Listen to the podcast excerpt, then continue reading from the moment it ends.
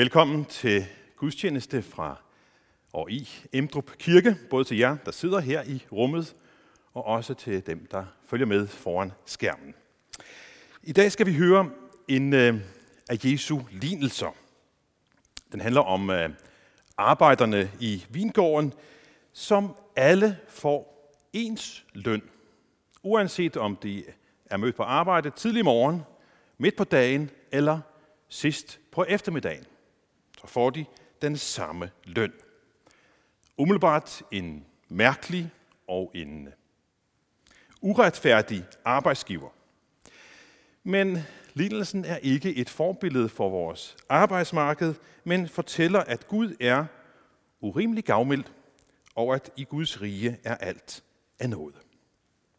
Dette hellige evangelium skriver evangelisten Matthæus. Jesus sagde, Himmeriget ligner en vingårdsejer, der tidligt om morgenen gik ud for at lege arbejdere til sin vingård. Da han var blevet enig med dem om en dagløn på en denar, sendte han dem hen i sin vingård. Ved den tredje time gik han ud og så nogle andre stå ledige på torvet, og han sagde til dem, Gå I også hen i min vingård, så skal jeg betale, hvad I har ret til. De gik derhen. Igen ved den 6. og den 9. time gik han ud og gjorde det samme. Ved den 11. time gik han derhen og fandt endnu nogle stående der. Og han spurgte dem, Hvorfor har I stået ledige her hele dagen? De svarede ham, fordi ingen har lejet os. Han sagde til dem, Går I også hen i min vingård? Da det blev aften, sagde vingårdens ejer til sin forvalter, Kald arbejderne sammen og betal dem deres løn. Men sådan, at du begynder med de sidste og ender med de første. Og de, der var blevet lejet i den 11. time, kom og fik hver en denar. Da de første kom, troede de, at de ville få mere, men også de fik hver en denar. Da de fik den, gav de ondt af sig over for vingårdens, vingårdsejeren og sagde, de sidste der har kun arbejdet en time, og du har stillet dem lige med os, der har båret dagens byrde og hede. Men han sagde til en af dem, min ven, jeg gør dig ikke uret. Blev du ikke enig med mig om en denar? Tag det, der er dit, og gå. Jeg vil give den sidste her det samme som dig. Eller har jeg ikke lov til at gøre, hvad jeg vil med det, der er mit? Eller er dit øje ondt, fordi jeg er god? Sådan skal de sidste blive de første, og de første de sidste. Amen.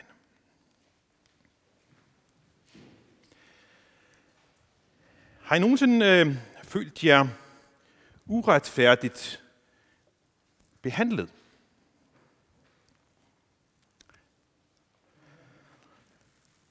Det tror jeg, vi alle har. Vi voksne har, har øvet os lidt mere end børnene i at ikke aggregere for voldsomt på det. Men øh, det har børnene ikke nødvendigvis lært. Tænk bare på, hvordan et barn ser ud, når det føler sig snydt eller uretfærdigt behandlet. Jeg har fire børn, jeg taler af erfaringer. Hvorfor måtte han ikke? Hvorfor måtte han få mere slik?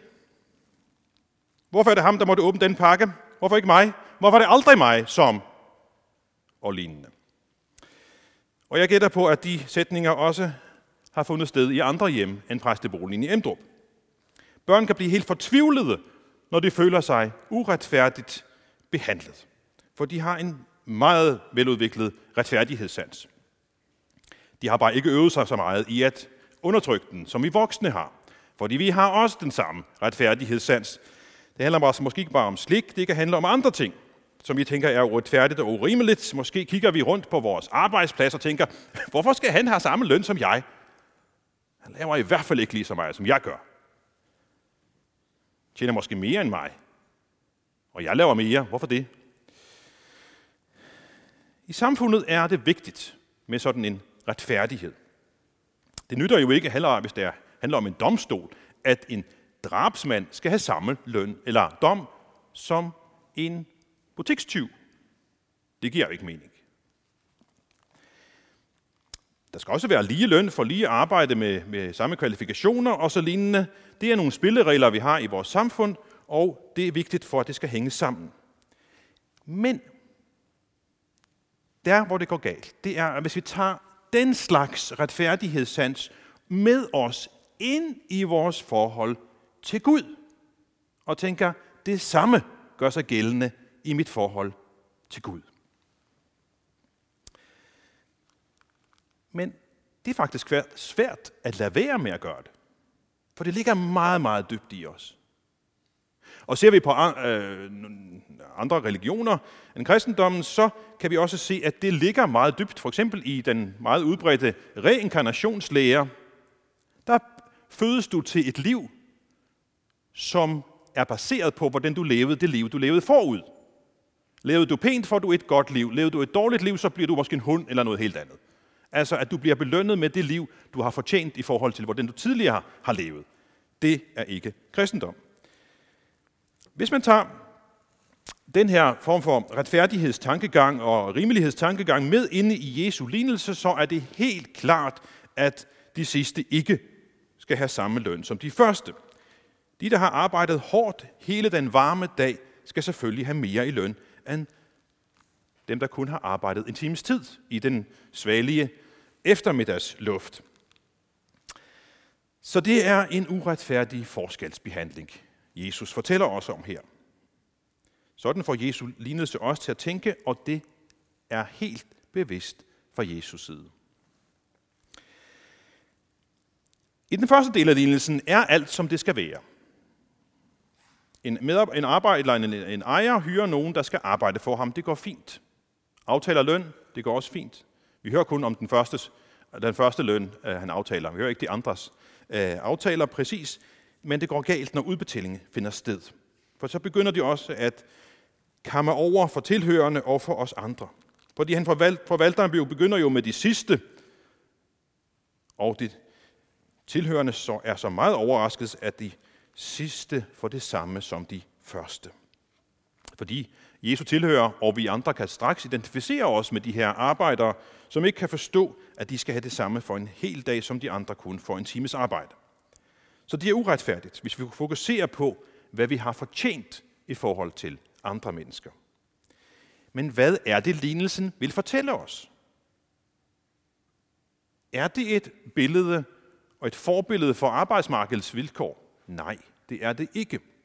Lignelsen er et svar på Peters spørgsmål om belønning for at følge Jesus. Peter siger til Jesus, vi har for, øh, øh, lagt alt til side for dig. Hvad får vi ud af det her?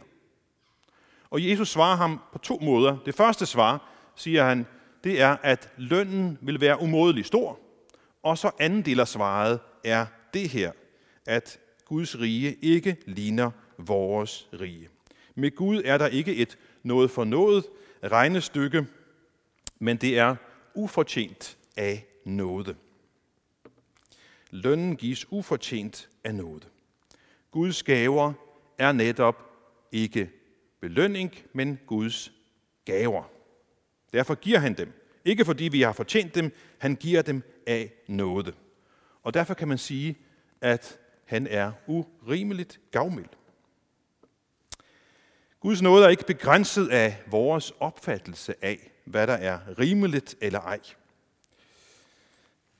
Nu har vi ikke nadver i dag, men når vi er til nadver, så oplever vi lidt af det samme. Vi får alle sammen det samme. Jeg står ikke og vurderer, når du skal vist nok have to brød og lidt mere i vinglasset her.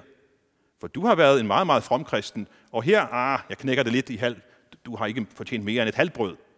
Det gør vi jo ikke. Vi får alle sammen det samme. Den naren er så blot skiftet derud med en oblat og lidt i glasset. Ved nadverbordet får vi det samme, og vi får det ikke, fordi vi har fortjent det, vi får det, fordi det får vi af Guds nåde. Vi kan jo kun modtage nadveren, fordi Gud har givet, Guds søn har givet sit liv for os. Det er jo sådan, at Gud ikke skylder os noget. Men vi skylder ham alt. Vi skylder ham tak for, at han har reddet os fra den evige død til det evige liv. Som vi hørte det i GT-læsningen, så har vi ikke noget at være stolte af over for Gud. Vi kan kun være stolte af ham. Det her er en lignelse. Og lignelser skal, skal man passe på med ikke at misbruge. Det er jo et billede, og et billede har sine begrænsninger. Vi skal ikke tænke, at lignelsen betyder, at fordi alle får samme løn i den her lignelse, så er Gud ligeglad med, hvad vi gør for ham.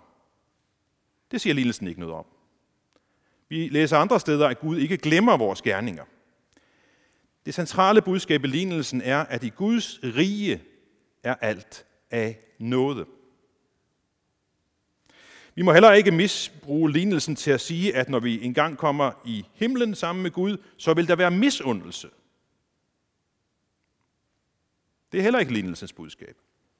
Vi skal heller ikke misbruge lignelsen til at sige, ah, dem der kom ind i 11. time, de fik samme løn, så jeg venter bare til at tro på Jesus, indtil jeg næsten er gået i graven. Bare lige før. Bum, så ordner jeg den. Det er ikke det, som lignelsen heller skal bruges til. Men der er en ting, udover det, jeg allerede har nævnt, som jeg tager med mig i denne lignelse, og det er, at vingårdsejeren stadig går på torvet og kalder på arbejdere, også i dag. Han kan bruge os, uanset vores evner, ressourcer eller begrænsninger. Det er endnu ikke for sent at modtage vingårdsejerens kald til at gå ind i vingården, altså ind i Guds rige og blive en medarbejder der. Og jeg hører også den her lignelse som en påmindelse om, at drivkraften i arbejdet i Guds rige, i Guds vingård, ikke skal være, hvad får jeg ud af det, men at jeg af Guds nåde får lov til at arbejde for ham, ære ham og tjene ham, således at også andre kan komme ind i Guds vingård, og der får den samme løn, evigt liv i Guds fællesskab. Paulus han kalder det for retfærdighedens sejrskrans, som aldrig visner, og Jakob kalder det for noget lignende. Han siger livets sejrskrans, og Peter siger herlighedens uvisnelige sejrskrans. Må Gud hjælpe os til at være og forblive i Guds rige, som arbejder for i hans vingård og også for andre med, hvor lønnen er overstrømmende stor af nåde. Amen.